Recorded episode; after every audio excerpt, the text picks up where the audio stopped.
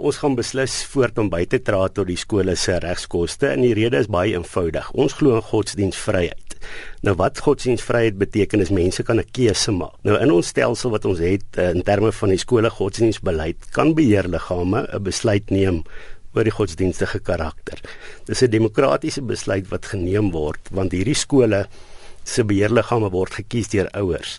Maar hulle dwing nie mense om aan godsdiens deel te neem nie. Ek het gekyk na die beleide van hierdie skole. Hulle sê baie duidelik dat indien 'n kind 'n ander geloof het of nie wil deelneem nie, kan hulle verskoon word. Dit is godsdienstvryheid. Maar wat ons ongelukkig sien nou van 'n organisasie soos O God van Hans Petersen is 'n baie militante ateïsme waar hulle skuil daar agter dat hulle nie wil hê kinders moet gedwing word om godsdienst te beoefen nie.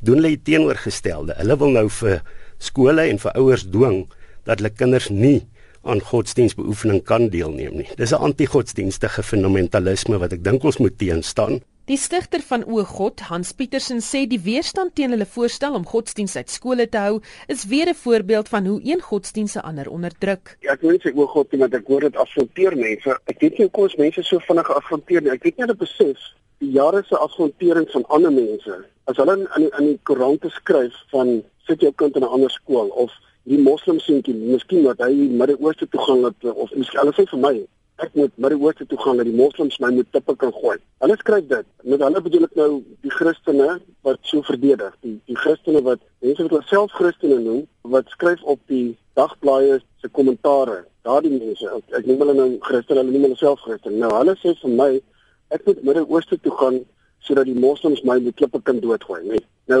ek moet nie daardeur geafronteer voel as mense dit vir my sê nie, maar as ek 'n teer het opsit waar ek my organisasie waarop ek trots is, se naam het, dan voel hulle geafronteer daaroor.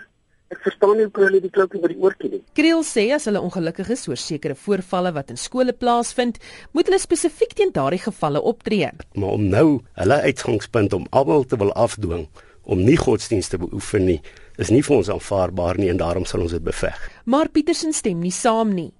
Dieselfde met Afriforum. Hulle doen wonderlike werk. Hulle sleep die regering elke 2 maande hof toe oor minderhede wat onderdruk word weens geregstellende aksie, weens verskeie goede en en dit is fantasties.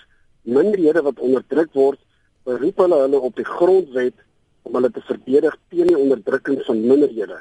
Maar wanneer dit by skole kom, dan wil hy die reg verdedig van die meerderheid en die minderheid, die minderheid te onderdruk.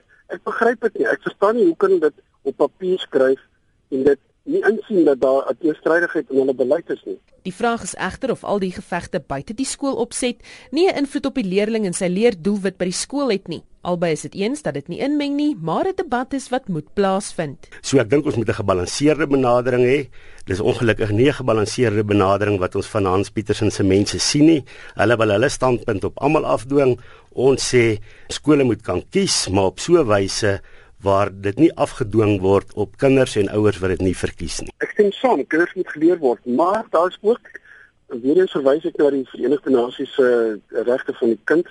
Daar's ook uh, ek dink is 'n artikel 12 daarrond wat sê kinders moet uitsprake gee, kinders moet geken word, kinders moet kan sê wat hulle voel. So ja, ons beklei oor die kinders. Ek dink dit is ontsaglik belangrik om oor kinders se regte en verantwoordelikhede en en en veiligheid te gesels in die wêreld. Al is dit dan oor groot groot mense wat dan nou op die punt staan om vyf te slaan daaroor.